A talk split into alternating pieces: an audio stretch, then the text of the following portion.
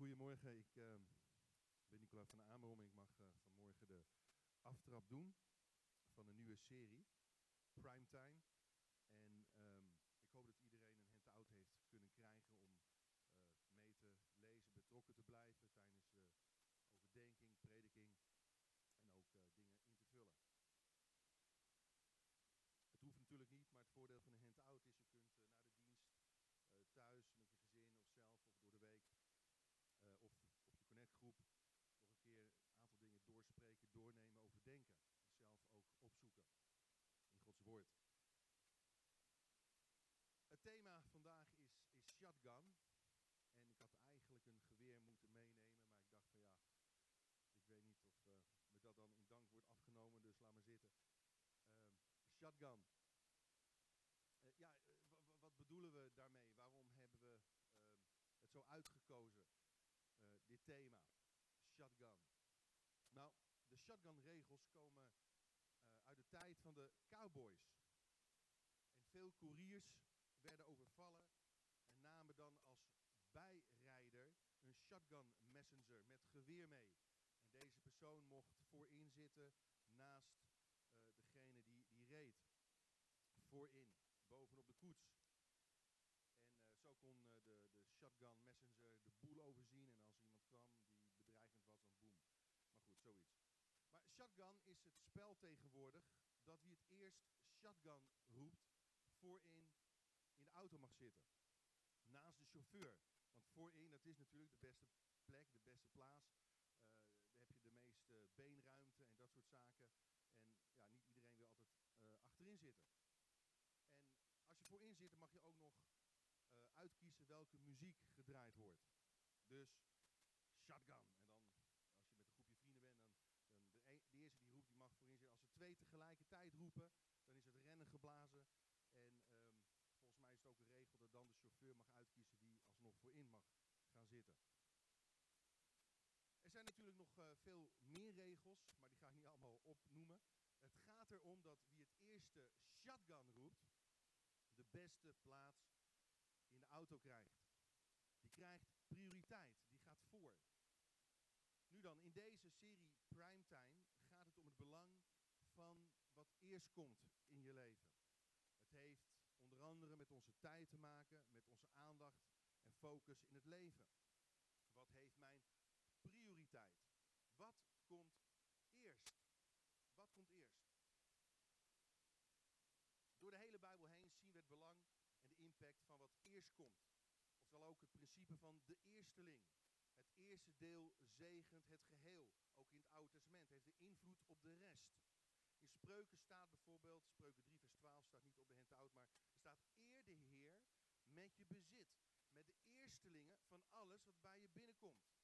Dan zullen je graanschuren rijk gevuld worden. Je perskuipen overlopen van most. Dus je geeft het eerste en het beste aan God. En dat heeft weer impact, oftewel invloed op het geheel, op het totaal. Shotgun zou je kunnen zeggen. Het principe van wat eerst komt gaat echter niet alleen over ons geld of over ons bezit, maar beslaat eigenlijk ons hele leven. Jezus zei niet voor niets, zoek liever eerst het koninkrijk van God en zijn gerechtigheid. Dan zullen al die andere dingen erbij gegeven worden, die geschonken worden. Dus zoek eerst het koninkrijk van God. Dan zal de rest volgen, wat nodig is. Staat er ook dat God ons de eerste plaats heeft gegeven tussen al zijn schepselen. In de Bijbel. Mo moet je nagaan. Dat wij te midden van alle planeten en kometen de eerste plaats innemen. De eerste plaats in het universum. Dus dat we van, dat we van God eigenlijk een, een kosmische shotgun hebben gekregen. Uit genade. Vanuit zijn vrije wil. Lees je maar mee. Jacobus 1 vers 18. Staat uit vrije wil heeft God ons het leven geschonken door het woord van de waarheid, dat is het evangelie. En zo zullen we in zekere zin de eerste plaats innemen tussen al zijn schepselen. Wauw, shotgun. De vraag vandaag is, hoe zit het met shotgun in relatie tot onze tijdsbesteding? Welke activiteiten, welke dingen eerste plaats in ons leven. Wat mag voorinzitten in de tijdmachine van ons leven? David zegt bijvoorbeeld in Psalm 90, vers 12. O Heer, leer ons zo onze dagen te tellen, dat wijsheid ons hart vervult. Leer ons zo onze dagen te tellen. Waarom?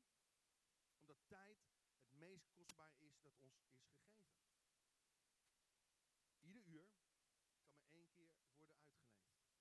En toch leven we in een tijdloze tijd, want we letten vaak niet op de bestemde tijd. Oftewel de passende tijd, de geschikte tijd, de volheid van tijd. En er is in ons leven een tijd om te werken, een tijd om te rusten. Een tijd om te lachen, een tijd om te huilen. Prediker 3 vers 1, lees je mee. Voor alles wat gebeurt is er een uur. Een tijd. Er is een tijd om te baren en een tijd om te sterven. Er is een tijd om te planten en een tijd om te rooien. Ik geloof dat het leven van de persoon die geen rekening houdt met de bestemde tijd, met bepaalde seizoenen in zijn leven, bepaalde fases in zijn leven, heel snel makkelijk chaotisch wordt. Want hij of zij wil alles tegelijk doen. Of te veel in één keer. Maar predik hij zei, de vreugde is de metgezel van de mens. Wanneer hij zwoegt op elke levensdag onder de zon. De vreugde.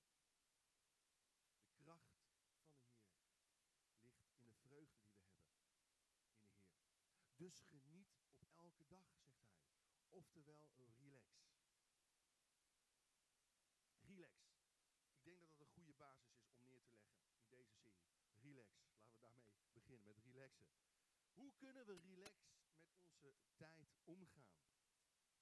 Allereerst de R van het woord relax. Realiseer je waarde.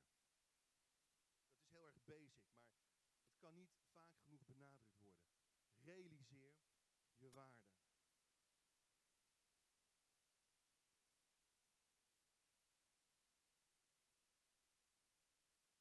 De meeste mensen die aanhoudend overwerken, verwarren vaak hun werk met hun waarde. Als ik veel werk, als ik veel bereik of veel presteer, dan ben ik veel waard. En we verwarren dat wat we doen met wie we zijn. Oftewel, onze identiteit ontlenen we aan wat we doen. Als je bijvoorbeeld ook, we waren een paar weken op vakantie en, en vaak als je in gesprek komt, dan is het eerst natuurlijk, hey, hoe heet je? Wat is je naam? En de tweede vraag gaat meteen al over, wat doe je? Dat is voor mij een hele leuke gelegenheid om dan te evangeliseren natuurlijk. Ik ben predikant. Maar je waarde is niet afhankelijk van je beroep. Wat je doet in het leven. Los van. Misschien heeft iemand eens gezegd dat je niets waard bent in je leven. Ach, je zal het nooit verschoppen. Je zal nooit iets bereiken. Je zal het toch niet kunnen. Je bent een waardeloze. Je reactie kan dan zijn dat je die mensen wil bewijzen dat je wel iemand bent. Door wat je bereiken kan. Door wat je presteren kan. Maar helaas, door de wond of het gat in je ziel geslagen, blijf je gevoel zeggen, het is nooit genoeg. Wat ik ook doe, het is nooit genoeg. Het is nooit goed genoeg. Ik moet mijn waarde blijven bewijzen. Opnieuw en opnieuw. En zodra je niet de erkenning krijgt of bevestiging waar je om, schreeuwt, dan gaat die wond als het ware weer open. En dan ga je het opnieuw zoeken in van alles en nog wat. En natuurlijk het voelen dat je van betekenis, van waarde bent. Het voelen, het horen is belangrijk.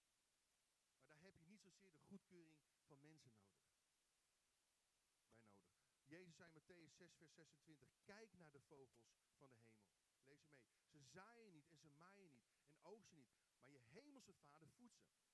Zijn jullie niet veel meer waard dan die vogels? Ja, vogels zijn leuk. Maar jij bent leuker. En hoeveel God van je houdt, gaat misschien je begrip te boven. Maar je kunt nooit iets aan zijn liefde voor jou toevoegen. Door dingen te doen. En er is niets wat je kunt doen, zodat God meer van jou gaat houden. Is ook niets wat je kunt doen, waardoor God minder van jou gaat houden. Zijn liefde voor jou is niet geworteld in jouw prestaties, in jouw bekwaamheden. Zijn liefde is geschreven in de palm van zijn hand. Jezus, hij zei in Johannes 10, vers 29, wat mijn vader mij gegeven heeft, gaat alles te boven. En niemand kan iets roven uit de hand van mijn vader. En ik en de vader zijn één. Niemand kan iets roven uit de hand van mijn vader. En toen de spijkers handpalmen van Christus werden geslagen, werd Gods liefde in onze harten geslagen. En als je dat beseft, pas als je dat gaat beseffen, kun je ontspannen door het leven gaan. Kun je vanuit die ontspannenheid gaan werken en gaan functioneren. Je ontleent dan niet je identiteit uit wat je doet. Ook niet in de kerk. Maar uit wie je bent in Christus. En van daaruit ga je functioneren. En dan, ja, relax de E. Ervaar het van genieten. Ervaar het genoegen van genieten. Prediker 2, vers 24. In deze prediking concentreer ik me veel op het boek Prediker. Waarom? Omdat dat een, heel mooi filosofisch boek is, die, die heel veel te zeggen heeft over omgaan met tijd, over het genieten en dat soort zaken. Maar Salomo, hij zegt, daarom besloot ik dat de mens niets beters kan doen dan genieten van eten en drinken. Bij al het werk dat hij doet. Toen realiseerde ik mij dat ook dat genoegen afkomstig is uit de hand van God. Wie kan zonder hem eten of vrolijk zijn? Weet je, je kunt uh, soms zo opgeslokt worden door van alles en nog wat. Dat je niet eens meer kunt genieten van wat je al hebt. Van wat je al bereikt hebt. Van wat je al gedaan hebt. Weet je, de reis naar je bestemming toe spannender dan het bereiken van je bestemming. En je kunt zo bezig zijn met dingen te verzamelen of te vergaren op, op intellectueel gebied, materieel gebied, dat je niet meer kunt genieten van de dingen die je al weet of die je al hebt. Sommige, sommige mensen hebben riante huizen, maar ze genieten er niet van, want ze zijn nooit thuis. Anderen hebben geweldige luxe keukens, maar ze genieten er niet van, want ze koken nooit. En veel mensen blijven onverzadigbaar doorgaan. Weet je, het is ook een ernstige misvatting dat het leven alleen maar bestaat uit werken, werken en nog eens werken. Alles wat je doet, wordt in dat opzicht dan snel een moeten. Ik moet, ik moet, ik moet. En natuurlijk zegt prediker ook, doe, doe, doe wat je hand te doen vindt. Wat voor handen ligt, grijp het aan. Doe het met volle inzet. Paulus zegt ook, blijf met volle inzet inspannen voor het evangelie. Maar luister goed, de geest van verplichting is de vijand van verblijding. De geest van verplichting, van moeten, moeten, moeten, is de vijand van, van verheuging, van verblijding. En zo zegt prediken in hoofdstuk 4, vers 6. Zeker, de dwaas zit met zijn handen over elkaar en ruïneert zo zichzelf. Maar, zegt hij dan, beter een handje vol rust handen vol zwoegen en grijpen naar wind. Weet je, de grootste dingen in het leven zijn geen dingen, maar zijn mensen. Aan het eind van iemands leven wordt er niet gezegd, ik zou willen dat ik meer tijd op kantoor besteed. Maar wel, had ik maar meer tijd met mijn partner besteed. Had ik maar meer tijd met mijn gezin besteed. Had ik maar meer tijd met mijn relaties met God besteed. Dus ervaar het genoegen van genieten. Dan ten derde, de L. Limiteer de dat je werkt. Limiteer de uren dat je werkt. Dat klinkt als muziek in onze oren, hè? ja, dat is altijd weer een keerzijde natuurlijk. Andere kant van de medaille. Maar even deze kant. Limiteer de uren dat je werkt.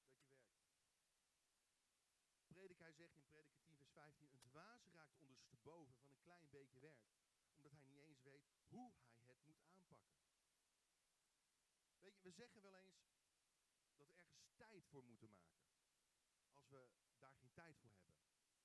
Maar tijd kun je niet maken. Je kunt tijd wel gebruiken of verspillen. We kunnen wel activiteiten en taken ordenen. Of op een bepaalde manier rangschikken zodat er genoeg tijd overblijft voor andere dingen. Het probleem is vaak, we willen nog steeds als God zijn. We willen alles kunnen, oftewel almachtig zijn. We willen alles weten, oftewel alwetend zijn. En alles doen of overal bij zijn. Oftewel, alomtegenwoordig zijn. Maar hoe groter de behoefte is om alles onder controle te krijgen in je leven, hoe meer stress in je leven ontstaat.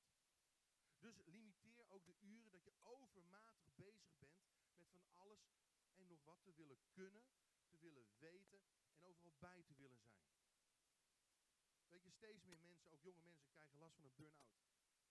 Niet omdat ze overwerkte spieren hebben, maar een overwerkte geest. Weet je, het gaat er niet om dat we leren hoe we onze agenda's nog voller kunnen proppen dan ze al zijn. Het gaat er juist om hoe we onze activiteiten, onze taken op zo'n manier kunnen structureren dat er tijd ontstaat juist voor ontspanning. En voor al die zaken die het leven voor jou de moeite waard maken. Orde of structuur in je tijdsbesteding. We beseffen vaak niet hoeveel tijd bepaalde, bepaalde zinloze bezigheden ons, ons opslokken. Wist je dat je, wanneer je gemiddeld zes minuten per dag naar dingen loopt te zoeken, je dat één werkweek per jaar kost? Iedere dag 30 minuten extra reistijd door files kost je bijna 5 werkweken per jaar.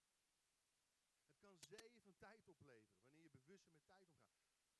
Ik heb zelf het probleem dat ik altijd naar mijn, zoekers, eh, naar mijn sleutels loop te zoeken. Ik weet niet of u dat ook hebt. Fietssleutels of autosleutels. Fietsen doet niet zoveel. Dat, maar nog niet, we moeten... Het wordt wel tijd, na, vooral na twee weken vakantie. Dan, dan kijk ik in de spiegel en denk oei, ik groei. Zeg, nou goed, dat zeggen de mensen hier al heel lang tegen mij. Oei, jij groeit. Maar, um, nee, maar soms ben ik wel, wel een half uur aan het zoeken naar sleutels.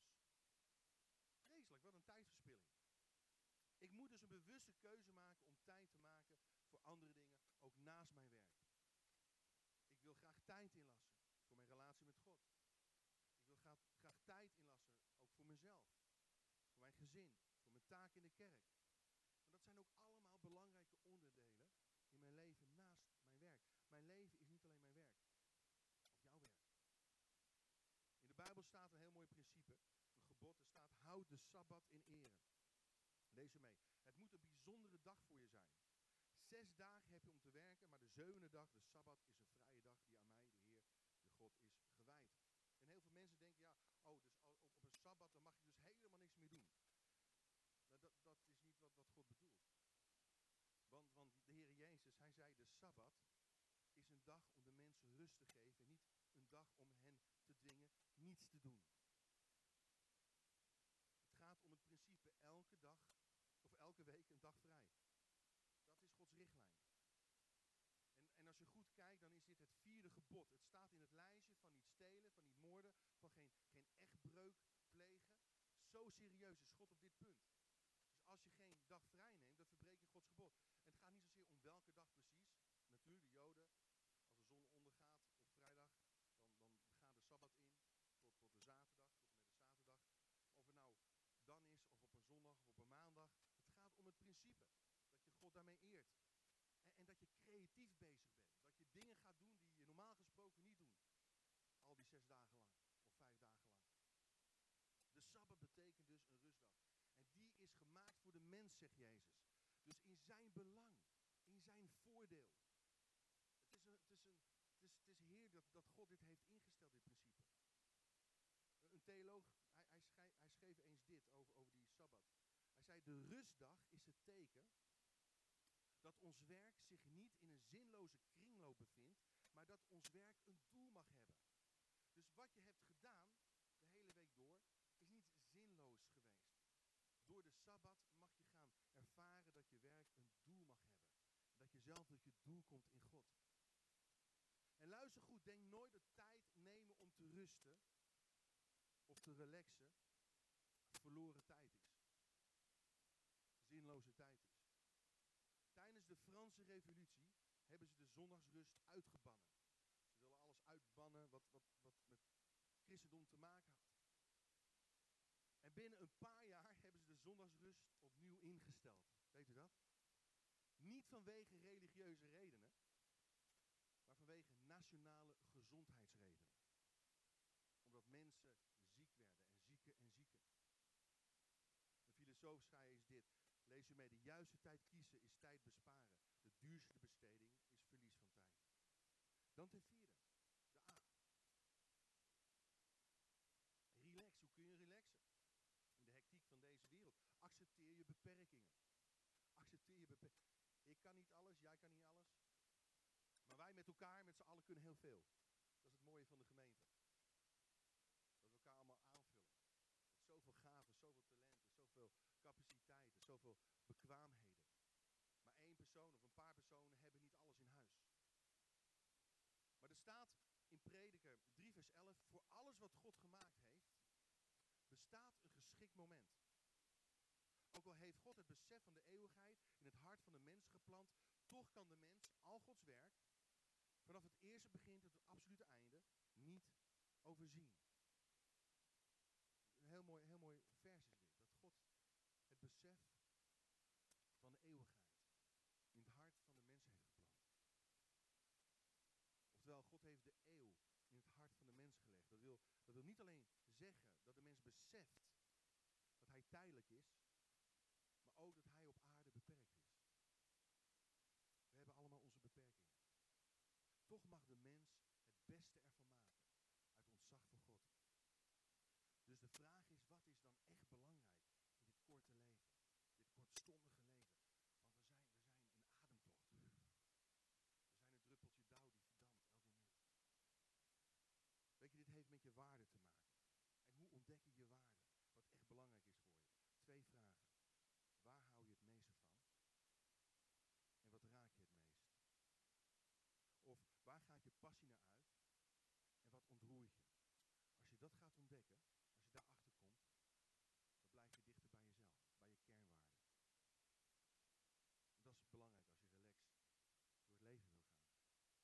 Dan ga je leven zoals God het bedoeld heeft. Dan hoef je niet zoals die ander te zijn. Of te kunnen wat die ander kan. Het punt namelijk is dat we onszelf vaak vergelijken met andere mensen. We vergelijken ons loon met dat van de ander.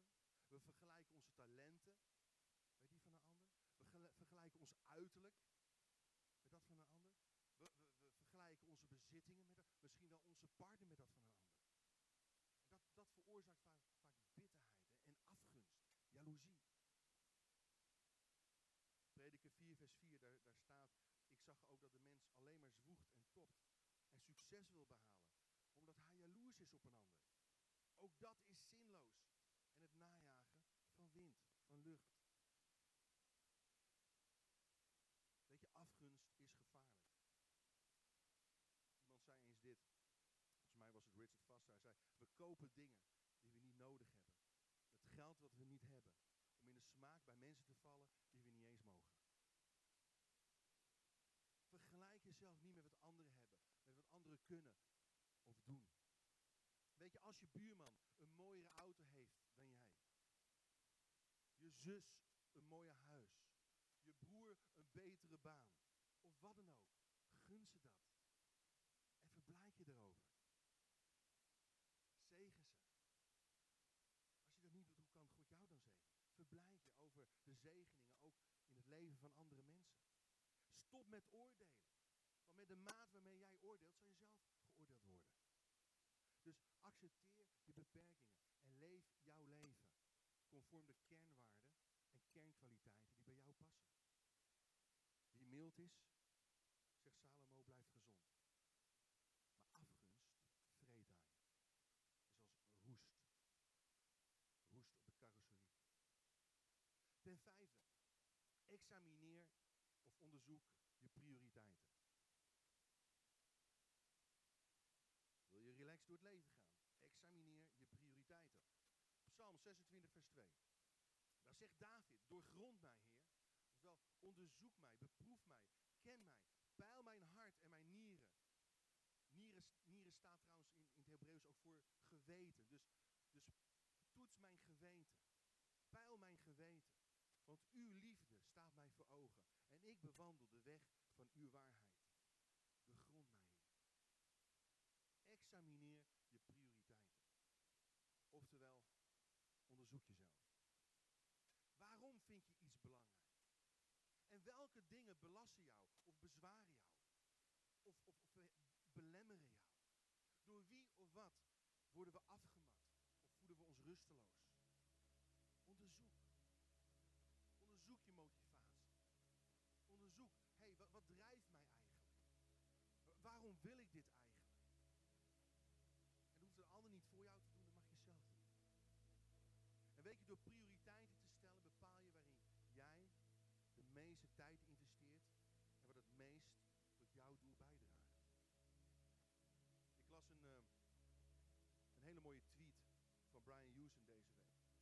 Hij schreef het volgende. Ik heb het naar het Nederlands toevertaald. Maar hij schreef het volgende, wat hij heel mooi aansluit. Hij zei, probeer niet je energie te stoppen in dingen die niet in lijn zijn met Gods ontwerp voor je leven. Met Gods plan voor je leven.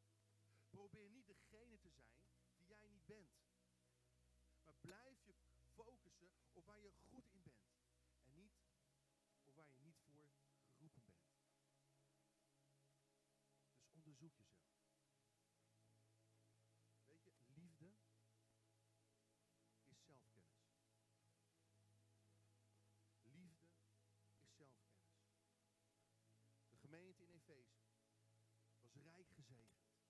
Gezegend met allerlei geestelijke zegeningen in de hemelse gewesten, zegt Paulus. En het mysterie van God, het plan van God is openbaar geworden. En de volheid van God heeft hij uitgestort in zijn gemeente. En de Efeziërs, die waren overvloedig met, met, met gezegen, met gaven en bedieningen. Ze waren bruisend van leven ontbrak het hen aan zelfkennis. Waardoor Jezus hen opriep tot zelfonderzoek. Lees je mee. Openbaring 2 vers 2. Dan zegt Jezus tot de gemeente. Ik ken uw daden. Ik ken uw inspanning. Ik ken uw standvastigheid. Maar wat ik tegen u heb, is dat u uw eerste liefde hebt opgegeven.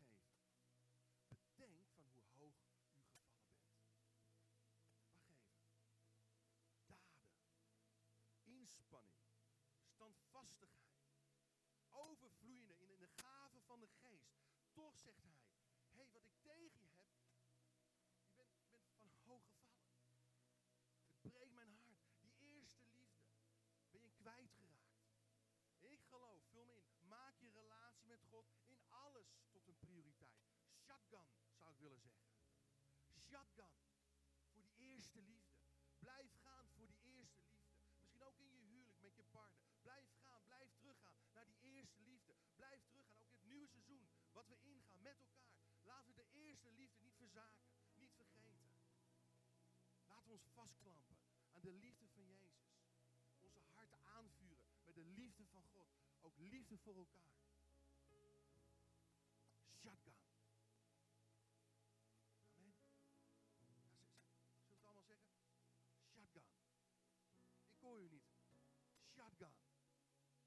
Eerste liefde. Eerste liefde. Amen. Zullen we onze hoofden